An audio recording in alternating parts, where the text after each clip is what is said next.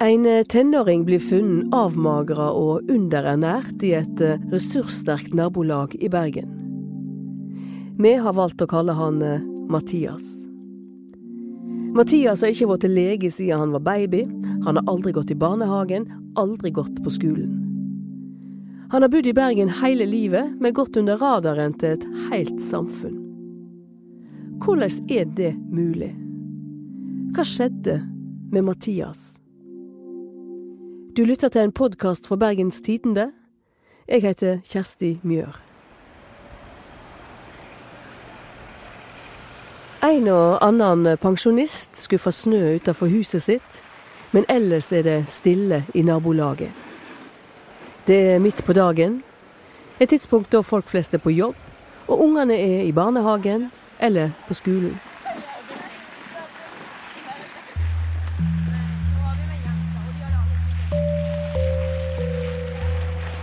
En gjeng glade unger i barneskolealder er på vei hjem. Men eh, i dette nabolaget har det òg bodd et barn som aldri har tilhørt en slik flokk. Han vi kaller Mathias, har aldri gått på skolen. Han har vært hjemme hos mor i ei leilighet i dette området, med to eldre søsken. Naboene er urolige for denne søskenflokken, så urolige at de over en lang periode har varsla både barnevern og politi, men svært lite har skjedd. Marita Ramsvik, du er journalist i Bergens Tidende og har jobba med denne saka. Hva er grunnen til at naboene er så bekymra for Mathias og søsknene hans?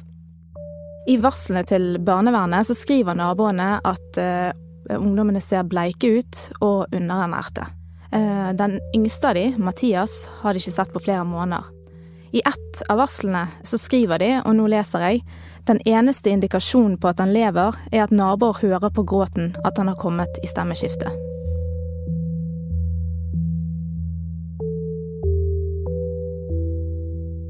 Men hva skjer når eh, naboene prøver å varsle? Ifølge naboene så skjer det jo altfor lite. De opplever at bekymringsmeldingene ikke blir tatt på alvor, eh, og at eh, det tar for lang tid før noe blir gjort. Det gikk ett år og tre måneder fra barnevernet fikk den første bekymringsmeldingen, til gutten ble funnet underernært i leiligheten. Ett år og tre måneder. Det er lenge. Det er lenge. Vi spurte jo, eh, og har spurt mange ganger, hva barnevernet har gjort i denne perioden. Eh, Bergen kommune svarer at de har hatt hjelpetiltak inne hos familien, eh, og at andre offentlige tjenester også har vært inne. Men de vil ikke gå i detaljene på hva som faktisk har blitt gjort. Eh, vi har også spurt hvor mange ganger de har snakket med barna. Heller ikke det ønsker de å svare på. De mener det er taushetsbelagte opplysninger. Men Mathias sjøl sier via sin bistandsadvokat at han bare har møtt barnevernet to ganger. Og det viser også opplysninger fra politiets etterforskning. Mor derimot har snakka ofte med kommunen, 49 ganger. Ja, og hva denne dialogen har gått ut på, eh, har vi jo heller ikke fått svar på. Eh, igjen så viser jo da Bergen kommune til eh, taushetsplikten. Det første varselet kom altså i september 2020. Siden så ble det sendt ytterligere 17 18 bekymringsmeldinger, og en eh, januardag i 2022 så reagerer endelig barnevernsvakten på et varsel. Og da begynner ballen å rulle. Hva skjer nå? Det er en eh, nabo som har ringt til barnevernsvakten. Eh, og han har ett mål denne kvelden, og det er å få personen i andre enden til å forstå alvoret. Han forteller at bråket har eskalert, og igjen så bruker han ordet underernært. Og denne gangen reagerer barnevernsvakten. Eh, samme natt så kommer barnevern, politi og ambulansepersonell. De to yngste søsknene hentes ut eh, formiddagen dagen etterpå og kjøres bort i ambulanse. Mathias fraktes først til Bergen legevakt. En overlege undersøker han og sender han videre til Haukeland universitetssykehus. Og så sender hun en bekymringsmelding. Hva slags eh, tilstand er Mathias i? Det vi vet om tilstanden hans på dette tidspunktet, det har vi fra en kjennelse fra Hordaland tingrett. Mathias er tydelig avmagret eh, idet han blir lagt inn på Haukeland. Han har hullete klær som er for små, og håret hans er tovet på hele bakhodet, med floker og knuter. En barnelege som undersøker Mathias, varsler politiet samme dag. Og det politiet da får høre, gjør at de går i gang med full etterforskning. Hva med de to andre søsknene, da? Statsforvalteren som har gransket saken, eh, går egentlig mest inn på Mathias og den systemsvikten som har vært rundt han, og sier lite om, det, om de to andre søsknene. Mor er blitt sikta for eh, grov mishandling i nære relasjoner. Hva veit vi om eh, mor? Hun er etnisk norsk og har vært selvstendig næringsdrivende.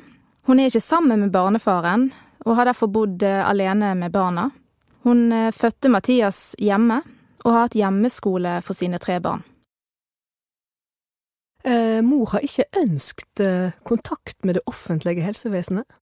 I hvert fall ikke for Mathias sin del. Eh, vi vet at han har ikke gått til offentlig tannlege, han har ikke blitt fulgt opp av skolehelsetjenesten, og har heller ikke fulgt vaksinasjonsprogrammet. Ifølge politiet så ser det heller ikke ut som han har vært til lege. Mor har eh, eh drevet en såkalt interessebasert heimeskole for eh, Mathias. Hva vet du om eh, dette undervisningsopplegget? Vi har fått innsyn i noen av tilsynsrapportene som sier litt om hvordan denne undervisningen har foregått de første årene der Mathias skulle gått fra første til tredje trinn. Og den eh, interessebaserte hjemmeskolen handler da altså om at barna lærer best for det de interesserer seg i der og da.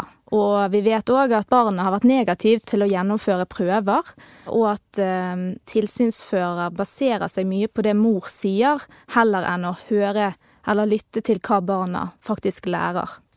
Og så har vi et stort hull her, fordi Bergen kommune kan ikke dokumentere perioden mellom 2015 og 2021. Så der vet vi rett og slett ikke hvordan hjemmeskolen har foregått. Men da det kommer en ny tilsynsfører i fjor, så vedtar Bergen kommune til slutt at hjemmeskolen har vært ulovlig. Og begrunnelsen for det det er at eh, det ikke finnes læreplaner, det har ikke vært struktur i undervisningen.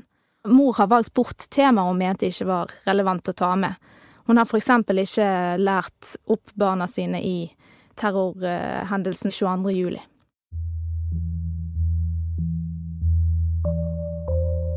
Mor er altså blitt sikta for eh, grov mishandling i nære relasjoner, og eh, far er seinere blitt sikta for det samme. Hva er bakgrunnen for siktinga?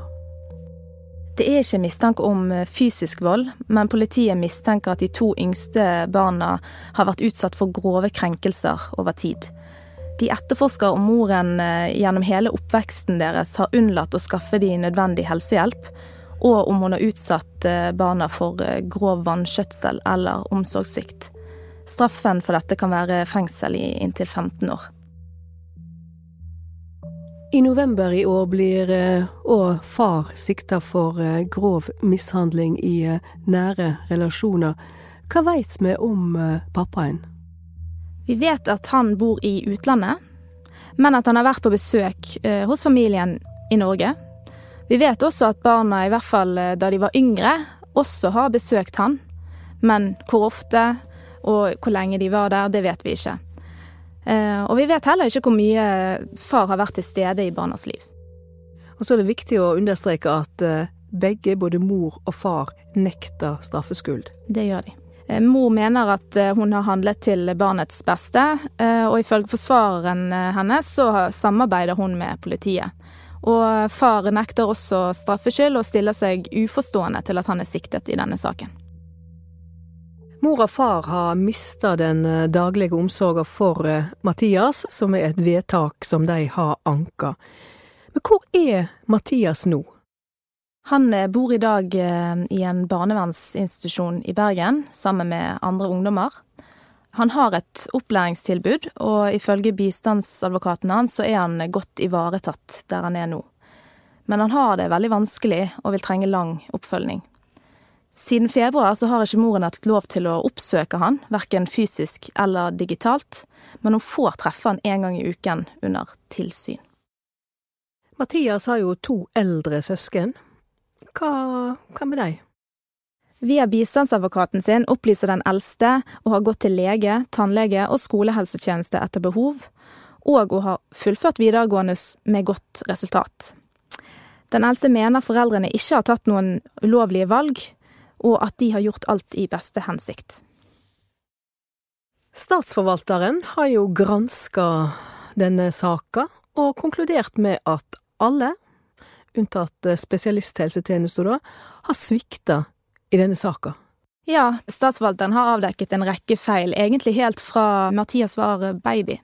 Helsestasjonene skulle gjort mer når eh, foreldrene, eller da mor, eh, valgte å takke nei til tilbud. Ifølge statsforvalteren burde de varslet barnevernet allerede da. Det ble ikke gjort. Når Mathias var tre år, så ble han kalt inn til kontroll hos tannlegen. Heller ikke der møtte han. Eh, da skulle tannklinikken varslet dette videre, men det gjorde de heller ikke.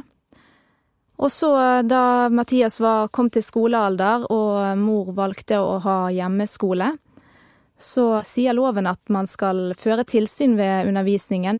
Vi vet at dette har blitt gjort, men det har allikevel ikke blitt gjort mer når da tilsynsfører rapporterer om at barna har eh, mangel på sosialt stimuli, har lite venner i nabolaget. Og etter hvert så mister jo kommunen òg oversikt over sine egne tilsynsrapporter, og kan egentlig ikke svare på hva som har skjedd når gutten har hatt hjemmeskole i veldig mange år. Eh, og etter hvert så blir jo også barnevernet varslet, men eh, barnevernet og Bergen kommune erkjenner jo i dag at de skulle gjort mer i denne perioden. De siste åra har det kommet flere kritiske rapporter om barnevernet i Bergen, og i 2022 er det oppdaga to grove enkeltsaker. Den første gjelder Mathias, som var så alvorlig underernært at han måtte på sykehus. Og så, i august i år, blir en sju år gammel gutt funnet bunden i ei seng med store skader. Faren, som eh, hadde prøvd å ta kontakt med barnevernskontoret, er i dag sikta for grov mishandling av sønnen. Barnevernsskandalene har fått eh, konsekvenser for flere av kommunetoppene i Bergen. For en gangs skyld står opposisjonen i Bergen samla. Samla i sinne mot hvordan barnevern og kommune tar seg av sine svakeste. Barn i denne byen som har det vanskelig, de har krav Det virker dessverre ikke som om det alvoret har sunket helt inn hos, mm. hos byen. Er du holder mot mistillit? Absolutt. Alette Hilton Knutsen går av som etatsdirektør for barn og familie i Bergen. Melder om min fratreden som byrådsleder i Bergen, og at byrådet vil gå av. Først går eh, barnevernsdirektøren, så går eh, byrådslederen, og deretter en kommunaldirektør. Politiet regner med å være ferdige med etterforskningen over nyttår. Da skal statsadvokaten avgjøre om foreldra blir tiltalte. Og I mellomtida har vi kommet nærere svaret på hvordan det er mulig at eh, et barn kan gå under radaren på denne måten. Det vi har funnet ut, er vel at eh, en rekke etater har sviktet her. Både hver for seg, men òg eh, i, i, samarbeid. Altså, de har ikke hatt godt nok samarbeid. Helsestasjonene hadde ikke rutiner for å melde fra dersom barn ikke møtte til kontroll. Det hadde heller ikke tannhelsetjenesten.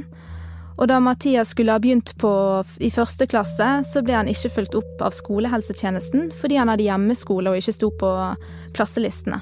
Den første bekymringsmeldingen til barnevernet kom først i september 2020, og de har jo sjøl meldt fra til statsforvalteren at de mente at denne meldingen burde kommet mye før. Så her er det svikt på mange plan og nivå? Ja. Artikkelen om Mathias, som vi kaller han, blir eh, publisert på bt.no på torsdag den 15. desember, og i A-magasinet dagen etter. Og du, Marita Ramsvik, du er en av fire journalister fra Bergens Tidende og Aftenposten som har jobba med denne saken. Hvordan har det vært å grave i hva som har skjedd med Mathias? Dette er en veldig alvorlig sak, eh, og jeg har opplevd det som, som veldig meningsfullt og viktig å, å undersøke dette. Eh, fylkeslege Sjoleman har annet sagt at han ikke har sett noen saker der barn har falt gjennom sikkerhetsnettet så til de grader som det som har skjedd her. Og da er det jo pressens oppdrag å finne ut hvordan i alle dager dette kunne skje. Bete understreker at eh, familien slett ikke kjenner seg igjen i eh, denne framstillinga av livet i familien. Du har lytta til Hva skjedde? En podkast fra Bergens Tidende. Denne episoden er laga av Arve Stigen, Anna Magnus og meg, Kjersti Mjør. Har du innspill til oss, ris eller ros? Bli meg glad om du kontakter oss på hva skjedde? krøllalfa bt.no.